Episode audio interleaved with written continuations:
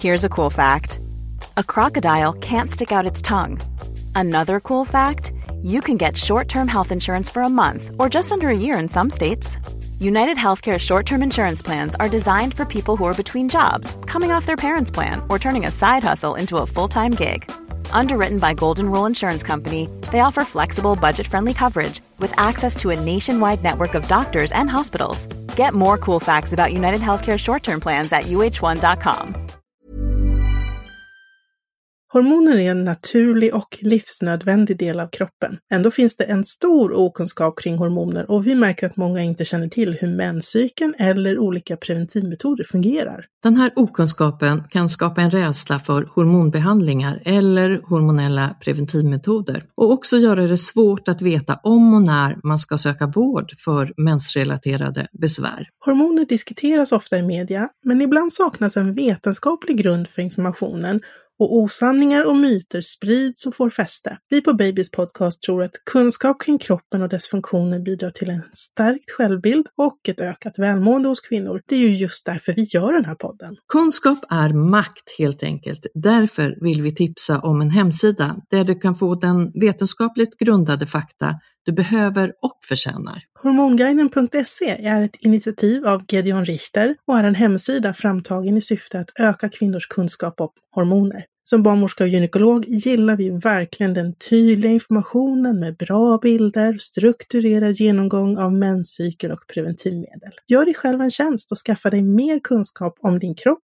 och dina hormoner. Besök hormonguiden.se. Hej och välkomna till ett nytt avsnitt med Babys podcast.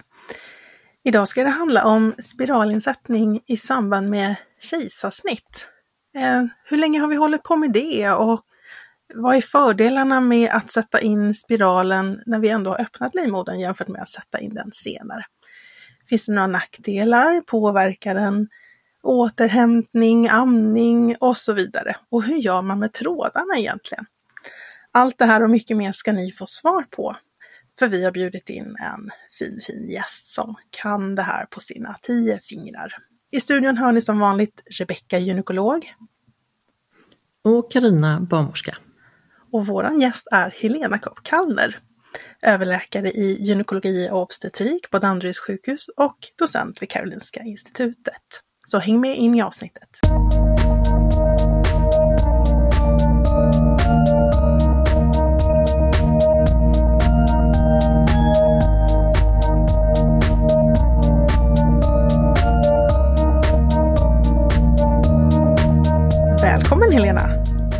Tackar, tackar! Och ni som är trogna lyssnare på Babys podcast har ju naturligtvis då hört Helena tidigare. Och säkert hört Helena i andra sammanhang också. Eller hur? TV, radio, poddar och så vidare. Men Helena, jag, jag, vet, vi jobbar ju tillsammans på Danderyd du och jag och du var en av eh, initiativtagarna 2019 till att, eh, i Sverige ska jag säga, att när vi sätter spiral i samband med kejsarsnitt. Ja, det, det stämmer nog ja. ja. men, men du, hur, hur, ser det ut i världen? Var fick du idén ifrån? Kom, eh, är det din idé från första början? Nej, det är det verkligen inte. Det kan jag inte ta någon cred för, utan eh, det här har ju varit metoder som framförallt måste jag säga har använts i eh, ja, Eh, Eh, det som numera heter lågresursländer, alltså det som förr kallades för u-länder. Det är ju då därför att man oftast har eh, i de länderna så har man liksom en chans på sig att, att göra någonting bra för kvinnan och ge henne ett preventivmedel. Eh, man har liksom inte eh, en jätteutvecklad mödrahälsovård och man har framförallt ingen utvecklad vård efter förlossningen utan kvinnan kommer in på sjukhus som föder sitt barn och sen så tar hon sitt barn och så försvinner hon ut på landsbygden igen eller eh, ut liksom i slummen i storstäderna eller vad det nu är. Och då ville man kunna ge kvinnor ett bra preventivmedel i samband med förlossningen just därför att man såg att det här med att få täta graviditeter och framförallt då i samband med kejsarsnitt var någonting som inte var bra för kvinnorna. Eh, så att helt enkelt för att kunna ge ehm, ja, det man kallar för spejsa graviditeten, att ge större mellanrum mellan graviditeterna. Eh, man såg en stor vinst i det. Och hur har det här liksom tagits emot i Sverige från 2019 när ni började på Danderyds sjukhus? Hur, hur ser det ut i Sverige idag? Används det överallt? Eh, ja, jag tror faktiskt att det används på de flesta förlossningskliniker, eh, även om det säkert är väldigt varierande grad. Vi använder ju ganska mycket på Danderyds sjukhus till exempel. Vi, vi sätter in flera spiraler i veckan på våra eh, kejsarsnitt. Eh, ja, någonstans mellan kanske 20 och 40 procent av kvinnorna som gör ett planerat kejsarsnitt väljer att, att få en spiral insatt i samband med det. Eh, och det, det tror jag är ganska mycket så att säga. Eh, men det tog faktiskt emot otroligt väl måste jag säga. Det verkade liksom som att eh, de flesta gynekologer hade ändå koll på att det här görs i andra länder. Man hade koll på att det ger att det är lite komplikationer och så. Så jag tyckte nästan att det kändes som att så här, äntligen är det någon som säger att vi får göra det här i Sverige också. Nej, men mm. lite åt det mm. hållet. Att det var inte alls eh, någon stor skepsis utan eh, snarare så emottogs, liksom, emottogs det med ja, men nyfikenhet och, eh, och en känsla av att det här skulle kunna vara någonting som är riktigt bra. Mm. Och, och, när, när tar man upp liksom, den här frågan? Eh, är det på mödravården redan när man börjar diskutera förlossningssätt eller är det när man kommer på förlossningsplanering till specialmödravård till exempel? Ja, alltså idealet tycker jag skulle vara att man tar upp det här eh, när man har bestämt sig för förlossningssätt och när man vet att det kommer att bli ett planerat kejsarsnitt. Eh, att då, ja, nu när du ska göra ett planerat kejsarsnitt då vill vi prata om möjligheten att kunna sätta in en spiral. Låt mig berätta om liksom, fördelarna med det för dig, om du är intresserad av den metoden. Eh, det vore ju det absolut ideala.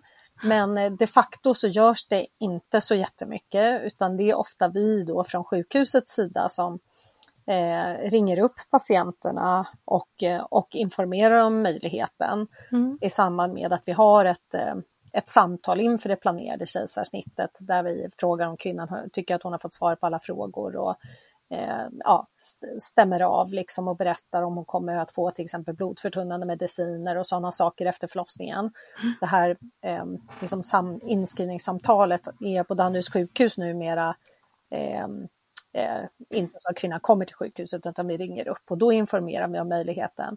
Och då är det många som säger ja just ja det där ja, jo nej, men det tycker jag låter bra eller nej mm. jag funderar på det och det, det är nog inget. Mm. Eh, men att det, det ofta, tyvärr tycker jag egentligen är först då som kvinnan fattar beslutet. Eh, så att eh, det optimala vore ju att det skulle ske tidigare, tycker jag. Men ja, det är som det är. Men det, det viktiga är ju att kvinnan får information och har möjlighet att fatta ett beslut, tycker jag. Gör ett informerat att... val, helt mm. enkelt. Ja, det, det är det absolut viktigaste. Liksom. Jag, jag, tror att det där kan bero på att det är så väldigt djupt rotat i oss som jobbar i mödravården att preventivmedelsrådgivningen gör vi vid efterkontrollen. Jag tror ja. att det kan vara lite liksom ja. att vi måste ställa om tankeverksamheten då att aha, men här kan vi ju ta det redan nu. Ja men exakt och ja. jag, det ska ju egentligen alltid göras innan förlossningen. Vi måste ju ändra vårt sätt att arbeta i Sverige. Mm. Det är ett väldigt gammeldags sätt att arbeta som man har i Sverige där man tycker att kvinnan ska komma på en efterkontroll och då är först ska man diskutera preventivmedel. Eh, när vi vet att det är en stor andel kvinnor som inte kommer på efterkontrollen mm. och då så förlorar man möjligheten att diskutera det här. Eh, och dessutom så är det ju när vi har, vi har gjort en intervjustudie med kvinnor och då upplevde många kvinnor att efter förlossningen så är det så fokus på barnet, att man har liksom inte fokus på sig själv. Och, eh, man kanske har nu gäller inte det bara här kejsarsnittade kvinnor utan även då de som är vaginalförlösta. att man, man har avslag och man kanske har en bristning och så här, att liksom idén om att liksom, nu ska jag minsann ha samlag och då behöver jag ett preventivmedel. Den tanken ligger liksom lite för långt bort. Mm. Eh, eh, och de flesta kvinnor säger egentligen att det är liksom i mitten av graviditeten som man skulle ha tid att börja fundera på det här. För då är graviditeten i ett ganska lugnt skede, man har inte börjat kanske fokusera på förlossningen ännu. Den första tiden i graviditeten är över, man har vant sig vid att nu är jag gravid. Eh, och sådär. Och att då ta upp tanken på preventivmedel. Och det, när man arbetar på det viset, då ser man ju också att fler kvinnor faktiskt väljer att använda ett preventivmedel efter förlossningen. Det här är, det här är ganska svårt att prata om och det blir väldigt polariserat märker man i sociala medier när man tar upp det här med preventivmedel efter förlossningen. Det är en stor grupp kvinnor som säger att ah, ni doktorer och barnmorskor, ni vill bara att man ska börja ligga igen, liksom, att det är fokus mm. på det. Eh, mm. och så är det ju kanske inte tycker jag då, utan det, det, är ju ändå så när man tittar på liksom en, en, en mängd, om man liksom tittar på tusen kvinnor så är det ju väldigt få av de kvinnorna som aldrig mer kommer att ha sex. Eh, och väldigt stor andel av de kvinnor eh, som har fött barn kanske inte vill ha ett barn inom ett år. Eh, så de facto är det ju så att den stora majoriteten av kvinnor har ju faktiskt behov av ett preventivmedel även efter en förlossning. Mm.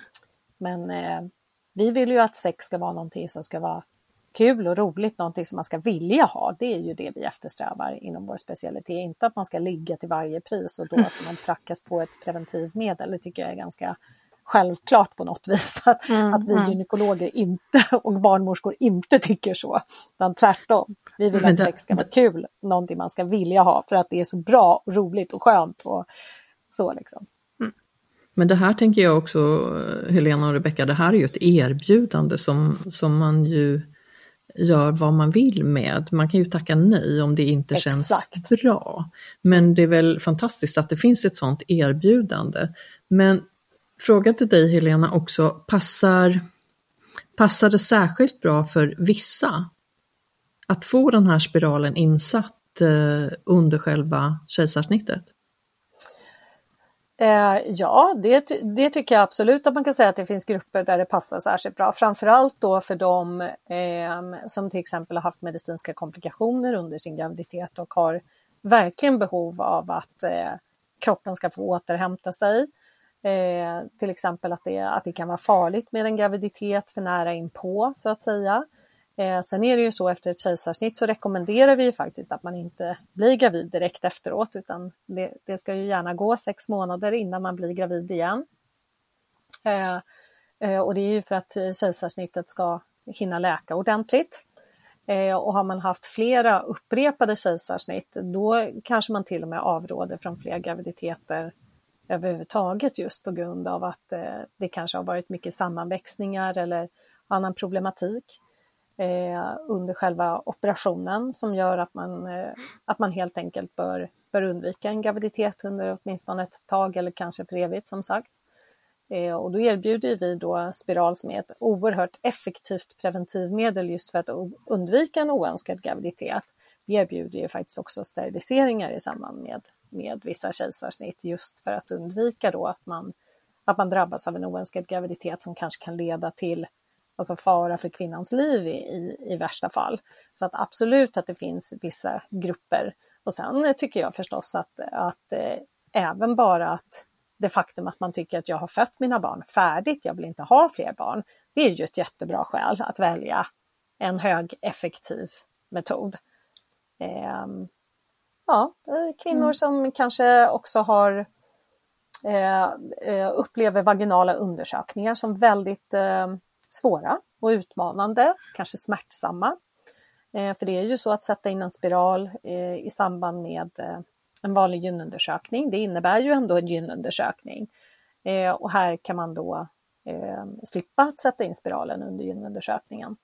Eller kvinnor som kanske har satt in en spiral tidigare och tyckte att det var besvärligt att sätta in spiralen men man trivdes väldigt bra med metoden eh, de kvinnorna också. Så det, det, här är ju någonting som man får liksom eh, ja, pr prata om och, mm. eh, och komma fram till och ge individuell rådgivning. Men spontant så är det väl de, de situationerna som jag verkligen kan tänka att här, här är det verkligen en fördel att sätta in spiralen under kejsarsnitt när man har en bra bedövning, det finns inga risker att den hamnar fel eller på snedden eller på snedden kan den i och för sig hamna, men det gör ju inte så mycket. Men framförallt då att den, eh, att eh, den hamnar inne i livmodern och att det är helt smärtfritt att sätta in den. Det har ju avgörande fördelar. Kan du berätta kvinnan... lite hur det, ja. hur det går till när man, när man lägger ja, in den här spiralen? Ja, hur går det till? Nej, men man, eh, man tar helt enkelt antingen kopparspiralen eller hormonspiralen. Och vi har ju mer och mer övergått till att faktiskt använda själva den införaren som kommer i förpackningen eh, till att sätta in spiralen. Så det blir helt enkelt så att man själva eh, ja, hålet som man plockar ut barnet igenom, som på fint språk kallas då för uterotomi. Eh, eh, själva det hålet som man plockar ut barnet igenom, där för man istället då in spiralen och upp in i livmodern. Eh, och så lägger man spiralen där och sedan vänder man helt enkelt införaren och för ner trådarna i slidan så långt ner man bara kan. Eh, så att det är inte mer avancerat än, än så. Eh, och då gäller det ju då att man för ner trådarna så långt så att de sticker ut genom livmodertappen. Och det är ju det största bekymret så att säga vi har med den här metoden, det är att trådarna inte kommer ner så långt eh, genom livmodertappen så att de syns efteråt. Men då ska man inte vara orolig och tänka att det här är något allvarligt fel eller man behöver göra en operation och ta ut spiralen eller så. Utan trådarna är ju inte farliga i sig och det försämrar inte effektiviteten hos metoden. Utan då kan man ta hand om det där när man väl vill ta ut spiralen. Och ofta är det då ändå så att, att trådarna tittar ut senare så att säga.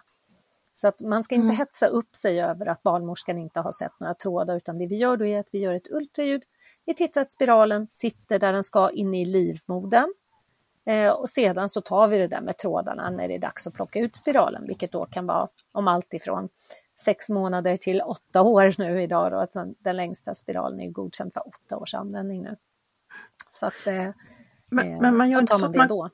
Kortar trådarna, alltså man kan man tänker man kan ju klippa av det här röret mm. och korta trådarna direkt. För jag har ja. haft några patienter i mödravården när de har kommit på kontroll där trådarna faktiskt hängt ut genom slidan ja. och man tyckte att det var lite ja. jobbigt. Och det informerar vi ju om, eh, mm. att det kan vara så att liksom, känner man någonting som tittar ut där, då ska man ju liksom inte dra i de där trådarna för Nej. då drar man ju ut spiralen, mm. det är mm. jätteviktigt. Eh, utan istället kan man liksom försöka pilla in dem. Liksom, så. Som man, ungefär som när tampongtråden ramlar ut så kan man pilla in tampongtråden. Eh, eh, så det är ju inte farligt och det kan man göra. Eh, det är väldigt svårt att avgöra exakt hur långt man ska korta trådarna. Eh, och eh, eh kortar man trådarna så kan man inte heller använda själva eh, införaren för framförallt hormonspiralerna för att sätta in den. Mm. Ehm, så det finns ju egentligen inga fördelar, tycker vi, eh, att, att korta trådarna, utan det viktiga är att kvinnan får bra information om att trådarna kan titta ut och då kan man bara ta två fingrar eller ett finger och peta upp dem lite grann så att de inte, så att de inte känns och det är helt ofarligt. Eh, så att eh, ja, det, och det är väl så, så gör man ofta utomlands också. Det är inte alltid som man kortar trådarna.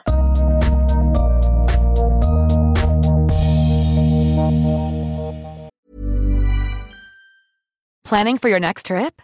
Elevate your travel style with Quince. Quince has all the jet setting essentials you'll want for your next getaway, like European linen premium luggage options, buttery soft Italian leather bags, and so much more. And is all priced at 50 to 80% less than similar brands.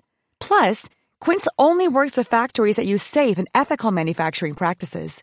Pack your bags with high-quality essentials you'll be wearing for vacations to come with Quince. Go to quince.com/pack for free shipping and 365-day returns. One size fits all seemed like a good idea for clothes. Nice dress. Uh, it's a it's a t-shirt until you tried it on. Same goes for your healthcare. That's why United Healthcare offers a variety of flexible, budget friendly coverage for medical, vision, dental, and more. So, whether you're between jobs, coming off a parent's plan, or even missed open enrollment, you can find the plan that fits you best. Find out more about United Healthcare coverage at uh1.com. That's uh1.com.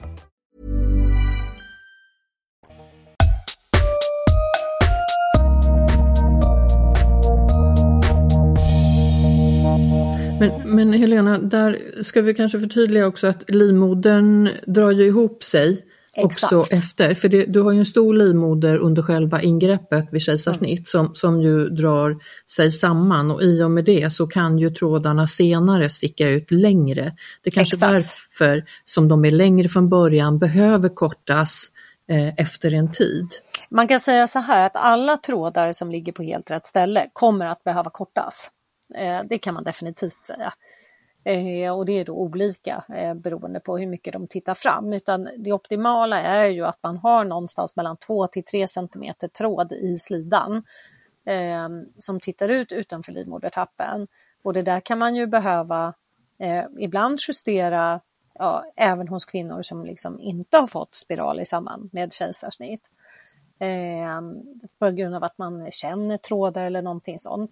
Eh, så det där ska man inte man, det, det, är ingen stor dramatik i att, att eh, korta trådarna, men det kan man säga att alla kvinnor som sätter in en spiral vid kejsarsnitt eh, behöver gå och kolla trådarna. Och de flesta behöver få dem klippta för att mm. de blir för långa, precis som du säger Karina, för att livmodern drar ihop sig. Eh, och det går fort för livmodern att dra ihop sig, alltså redan redan direkt efter förlossningen så blir ju livmodern otroligt liten jämfört med att haft en liksom 3 till 4 kilos kluns där inne eller moderkaka och fostervatten och alltihopa. Så det går otroligt snabbt för den att dra ihop sig och sedan tar det ju bara några veckor så åter, har livmodern återfått sin vanliga storlek och sedan blir den ju faktiskt mindre om man väljer att amma. För att eh, amningen i sig gör ju att livmodern blir väldigt liten och tunnväggig. Eh, och det är ju där vi kommer in på det här med fördelar med att sätta in spiralen vid kejsarsnittet. Men du, eh, funkar det både med koppar och hormonspiral? Absolut. Mm. Kostnad? Eh, du betalar för spiralen som du skulle ha gjort annars. Mm. Så det, är det vill säga för hormonspiralen men inte för kopparspiralen? Då? Ja, det är ju olika i olika län. Vet du. En del mm. regioner tar ju faktiskt betalt för kopparspiral, vilket är en fullständig skandal. Um, men eh, så att du betalar det du skulle ha gjort i vanliga fall kan man säga. Och för hormonspiralerna är ju det runt tusenlappen. Mm. När brukar ni, när ni ger råd då till, till den som har genomgått kejsarsnitt och fått spiral, när ni säger liksom, när är det lagom att gå och korta av trådarna? Är det liksom... eh, ja, känner man trådarna då ska man ju gå direkt. Mm. Eh, så det råder det inget tvivel om utan mm. då tar man kontakt med sin mödravård och går direkt så att säga. Eh, annars brukar vi säga att efter två till tre veckor, eller tio, ja, tio dagar till tre veckor, mm. någonstans där. För då har ju livmodern verkligen återfått sin, ja, sin vanliga storlek faktiskt. Så snabbt går det. Mm. mm. Men jag, jag, tänker på risker, eh, risker här nu då. Du, du, eh, mm. Eh, och framförallt risken för eh, att man tränger igenom liv, eh, livmoderhinnan, alltså perforation. Ja. Där i och med att, att livmodern är ju i ett annat tillstånd än vad den skulle vara när jag inte är gravid och, mm. och föder barn. Mm. Vad är risken är det, här? Ja precis, alltså Eh, det är ju just det som är det fina med att sätta in spiralen vid kejsarsnittet därför att då har man ingen risk att man går igenom livmodern för att livmoderväggen är så otroligt tjock. Eh, så att det går i princip inte att eh, liksom, eh, gå igenom livmoderväggen när man sätter in spiralen. Man känner väldigt, väldigt tydligt alltså en, ett massivt motstånd när man kommer till livmoderväggen. Eh, och det är just det som är den stora fördelen, att det finns ingen ökad perforationsrisk då. Medan när man sätter in spiral, eh, det vill säga postpartum, alltså efter förlossning, ehm, eh, då finns det en ökad risk för perforation jämfört med om du sätter in, sätter in den på en kvinna som då inte just har fött barn. Och det har just att göra med att eh, hos då de kvinnor som ammar, eh, för det här gäller under amningsperioden, så blir livmoderväggen väldigt, väldigt tunn. Eh, många kvinnor har också en annorlunda smärtförnimmelse efter förlossningen. Man känner inte att saker och ting gör ont på samma sätt, vilket innebär att man ofta inte ens märker att man faktiskt går igenom livmodern och sätter in spiralen in i magen på någon. Eh, och ibland, så ibland så upptäcker man ju bara det här när man liksom ska ta ut spiralen och så oj, det här finns det inga trådar. Eh, och så liksom, eh, försöker man att fiska och när man hittar ingenting och så gör man en röntgen och så ser man att den här spiralen den ligger inne i magen på kvinnan. Eh, och, eh, så den, den, risken är förhöjd när man sätter in den och den är ytterligare förhöjd om man sätter in den efter ett kejsarsnitt just därför att man har eh, ett R eh, som det är lätt att man, eh, ja som är ännu tunnare då så att säga. Eh, så här gäller det att man går till en barnmorska som är erfaren och som är van vid att sätta in spiraler efter förlossning eh, och som liksom verkligen är lätt på handen så att säga. Eh, och när man då sätter in spiralen direkt vid ett planerat kejsarsnitt, då har man inte alls den, den risken. Den risken är noll. Eh, så att, eh, det, det är ju en absolut jättestor fördel. Vad är risken att spiralen stöts ut när livmodern drar ihop sig? Den jämfört är med risken vid andra insättningar? Ja, den är faktiskt inte förhöjd jämfört med i vanliga fall knappt alls. Eh, så att, eh, och det har ju att göra med, och det, det är när man tittar på planerade kejsarsnitt Mm. då, och det har ju att göra med att kvinnan har ju inte börjat öppna sig. Mm. Eh, så att hon är ju inte mer öppen än, än så att säga i, i vanliga fall. Så att utstötningsrisken är någonstans där mellan 3 och 6 procent och det brukar man säga i vanliga fall också hos, eh, hos kvinnor då som, ja, alltså när man sätter in den fast det inte är i samband med barnafödande, att det är Mm. ungefär 5 procent. Så att utstötningsrisken, den är inte ökad. Det är väldigt bra. Ja, det Och är där skiljer det sig man, väldigt mycket jämfört med att sätta in den efter en vanlig vaginal förlossning. För Ja. Då har man ju en jättehög utstötningsrisk. ja, och det var det som var min nästa fråga. Finns det någonstans någon liksom, rutin att man sätter in spiral efter ett akut kejsarsnitt? Jag tänker, då har ju verkligen livmodermunnen varit öppen och är öppen. Ja, jag pratade faktiskt precis med, eh, jag var på eh, en kurs här förra veckan Eh, och då tydligen i Finland på vissa ställen så, så sätter de in den med i, vid akut kejsarsnitt. Men jag kan säga på rak arm att jag känner inte till några publicerade studier kring Mm. det. Mm. Eh, och där, det tog ju då, alltså just den här utstötningsrisken, eh, den borde ju hänga samband då med hur öppen kvinnan är, hur öppen livmodertappen är. Eh, för där, där ser vi ju en väldigt stor eh, ja, man ser ett samband med hur, hur öppen livmodertappen är och hur stor utstötningsrisken är. Och det vet vi eh, en del från när vi tittar på insättning av spiraler eh, som görs efter en medicinsk abort då, där man sätter in dem tidigt i graviditeten, eh, om det är en tidig graviditet och man har gjort en abort menar jag, eh, så man är före vecka 9, då är utstötningsrisken väldigt låg. Då sätter man in den hos eh, kvinnor som har gjort en, en abort efter vecka 12, då är den högre. Men den är inte lika hög som när man sätter in den efter en förlossning. Då är den Mm. högst så att säga. Mm. Så vi tror ju verkligen att den här utstötningsrisken hänger ihop med hur öppen livmodertappen är helt enkelt. Och det är väl egentligen ganska logiskt så att säga. Det är väldigt Hålet, logiskt. hålet som den kan ramla ut genom är större. Liksom. Ja. Så. Mm. Risk för infektion. Eh, Alltså man har ju alltid en risk att få en infektion i livmodern efter en operation.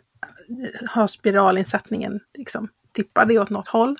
Nej, faktiskt inte. Man har aldrig kunnat se en ökad risk för infektion eh, på grund av spiralinsättning eh, vid ett planerat kejsarsnitt.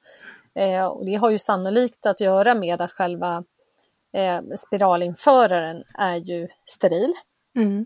Eh, så att eh, man tillför inga bakterier där. Det skulle möjligen vara då att när man har liksom fört ner trådarna i slidan att man då drar tillbaka Eh, instrumentet upp genom magen. Men förr i tiden så hade vi också som rutin att vi eh, ja, man, man förde ner eh, ett instrument i, i livmodertappen och vidgade upp lite. Det där har vi ju slutat med, det är väldigt gammeldags. Men vi gjorde ju sånt förr i tiden och när man slutar, nu har vi slutat med det för det är onödigt, men Mm. det har ju inte minskat antalet infektioner. Så att sannolikt så är det ju så att liksom flödet av bakterier är ju så att säga neråt eh, och man blöder ju ganska mycket i början direkt efter en förlossning. Så att man liksom sköljer ut de här få bakterierna som man faktiskt för tillbaka upp. Då. Men Helena, jag har en fråga där för att vi fick en, en följarfråga här. Eh, en kvinna som fick en hormonspiral eh, under ett kejsarsnitt eller vid ett Mm. kejsarsnitt för ett par år sedan och haft småblödningar var, typ varje dag sedan dess. Det kan väl ändå inte vara normalt? Ja, alltså dels så är det ju tyvärr så att ett, ett fåtal kvinnor eh, så är inte spiralen rätt preventivmetod, att man faktiskt kan få så ändå. Det är väldigt, väldigt sällsynt. Men alltid när man har småblödningar på spiral, då ska man göra en ultraljudskontroll och titta att spiralen sitter rätt. Eh, och sedan eh, bör man också kontrollera för infektioner. Eh, för infektioner är ju vanligt att de ger småblödningar. Man ska också se till att man har följt screeningprogrammet för eh, eh livmoderhalscancer, jätteviktigt. Eh, och eh, Ja, det är ju de frågorna. Så att det viktiga är ju då, mm, en vanlig orsak kan ju vara då som sagt att spiralen har halkat ner lite granna, ner i livmodertappen och då reta där så att man får småblödningar. Och då har man också ofta eh, eh, samlagssmärtor faktiskt. Mm. Så rekommendationen är att söka sin barnmorska eller gynekolog? Ja, jag tycker man ska gå till en gynekolog för man behöver göra ett ultraljud. Mm. Men du, behövs det någon screening typ för eh, klamydia eh, inför insättning?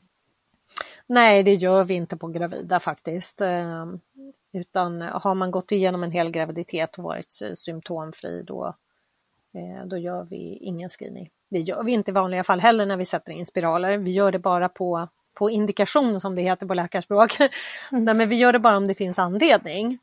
Eh, eh, och att kvinnan själv vill också.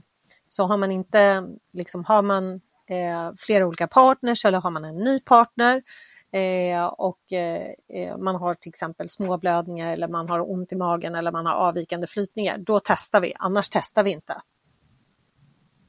Och sen är det det här med, med om det påverkar barnet eller amningen. Och det kan vi väl säga att det påverkar inte amningen.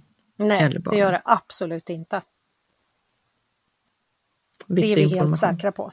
Mm, mm. Påverkar varken barnets tillväxt eller amning eller någonting sånt. Viktig information som sagt. Ja, det är viktigt. Eh, men du, var, eh, du sa det väl tidigare, men, men efter kontroll, vad, mm, I normala lägen, vad gör jag? När och hur? Vem, vem eh, besöker jag för att få det här eh, kontrollen återbesöket? Ja, har man då fått en spiral insatt vid kejsarsnittet, eh, då rekommenderar vi då en kontroll efter ja, 10 dagar till tre veckor. Alltså det är ju olika. Har man inga symptom och tycker att allting är toppen och fine, då behöver man ju inte springa på en kontroll tidigare än vanligt så att säga.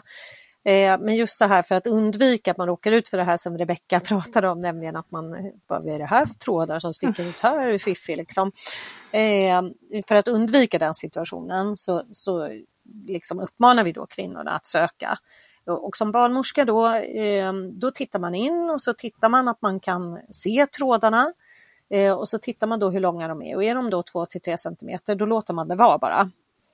Eh, så att jag tycker inte att man ska börja dra i trådarna. Det finns ingen anledning till det. Men är det då så att den liksom ligger som ett nystan där liksom inne, eh, då tar man försiktigt tag i, i, i, trådarna och så klipper man dem så långa som man skulle ha gjort efter en helt vanlig spiralinsättning, det vill säga 2 till 3 cm. Eh, och det är ju att spiraltrådarna ska vara 2 till 3 cm, det är ju just därför att de ska liksom lägga sig runt livmodertappen eh, så att man inte känner av dem så att de inte sticks.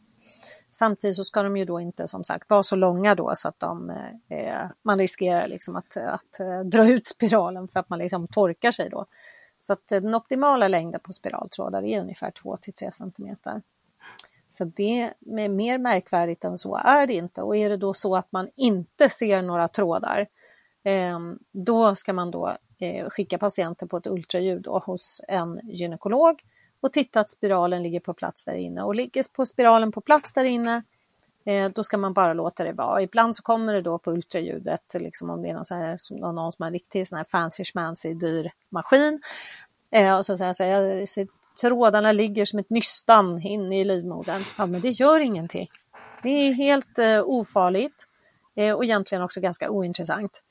Eh, därför att är spiralen på plats i livmodern, då är det klart att trådarna ligger någonstans. Eh, och då ska man alltså inte vara orolig för det utan då vet man att spiralen sitter där och det, den dagen som vi vill göra någonting åt spiralen, ta ut den för att man vill bli gravid eller för att man ska byta den eller byta metod eller vad man nu vill.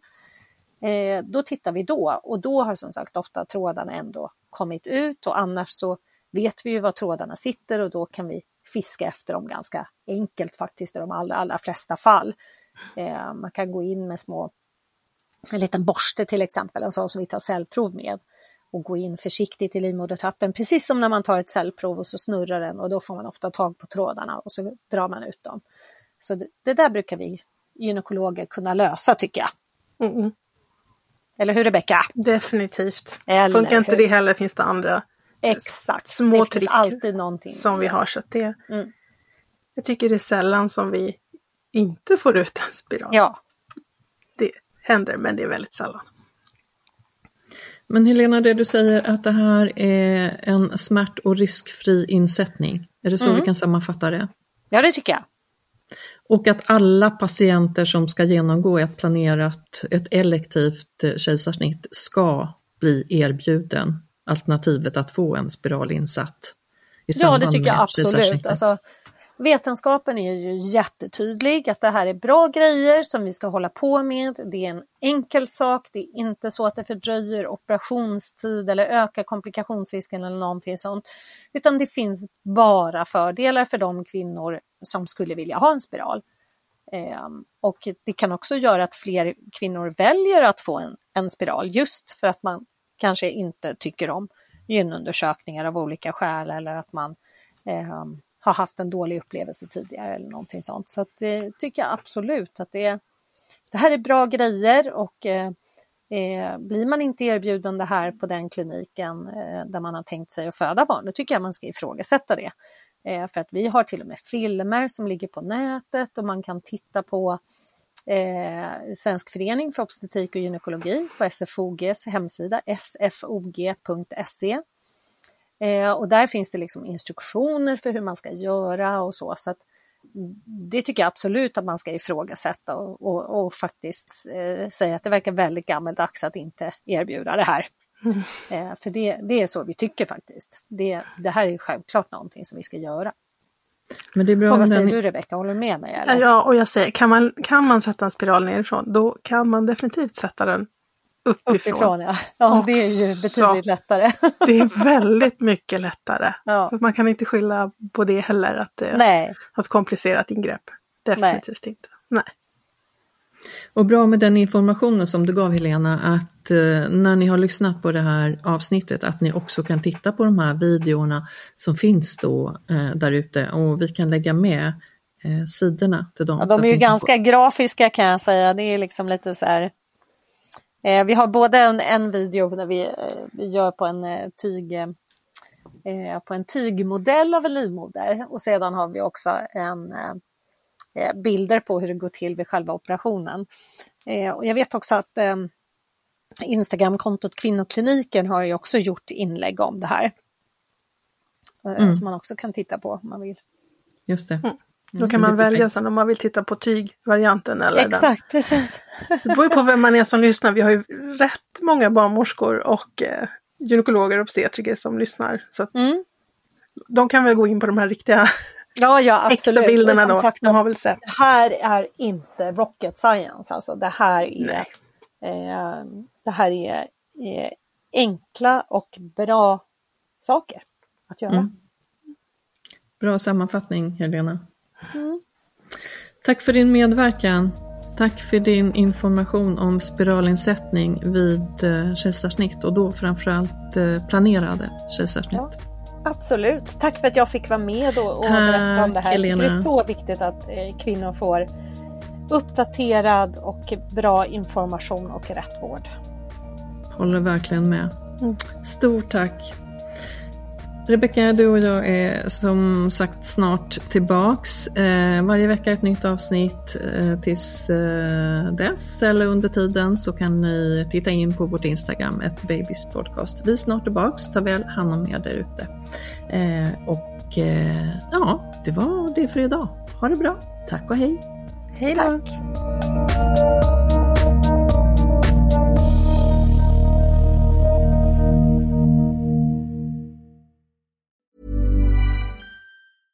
Ever catch yourself eating the same flavorless dinner three days in a row? Dreaming of something better? Well, HelloFresh is your guilt-free dream come true, baby. It's me, Kiki Palmer. Let's wake up those taste buds with hot, juicy pecan-crusted chicken or garlic butter shrimp scampi. Mm. Hello Fresh.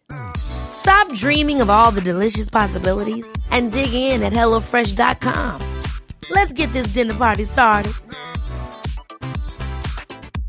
Imagine the softest sheets you've ever felt. Now imagine them getting even softer over time. That's what you'll feel with Bowl and Branch's organic cotton sheets. In a recent customer survey, 96% replied that Bowl and Branch sheets get softer with every wash. Start getting your best night's sleep in these sheets that get softer and softer for years to come. Try their sheets with a 30-night guarantee. Plus, get 15% off your first order at bowlandbranch.com. Code BUTTERY. Exclusions apply. See site for details.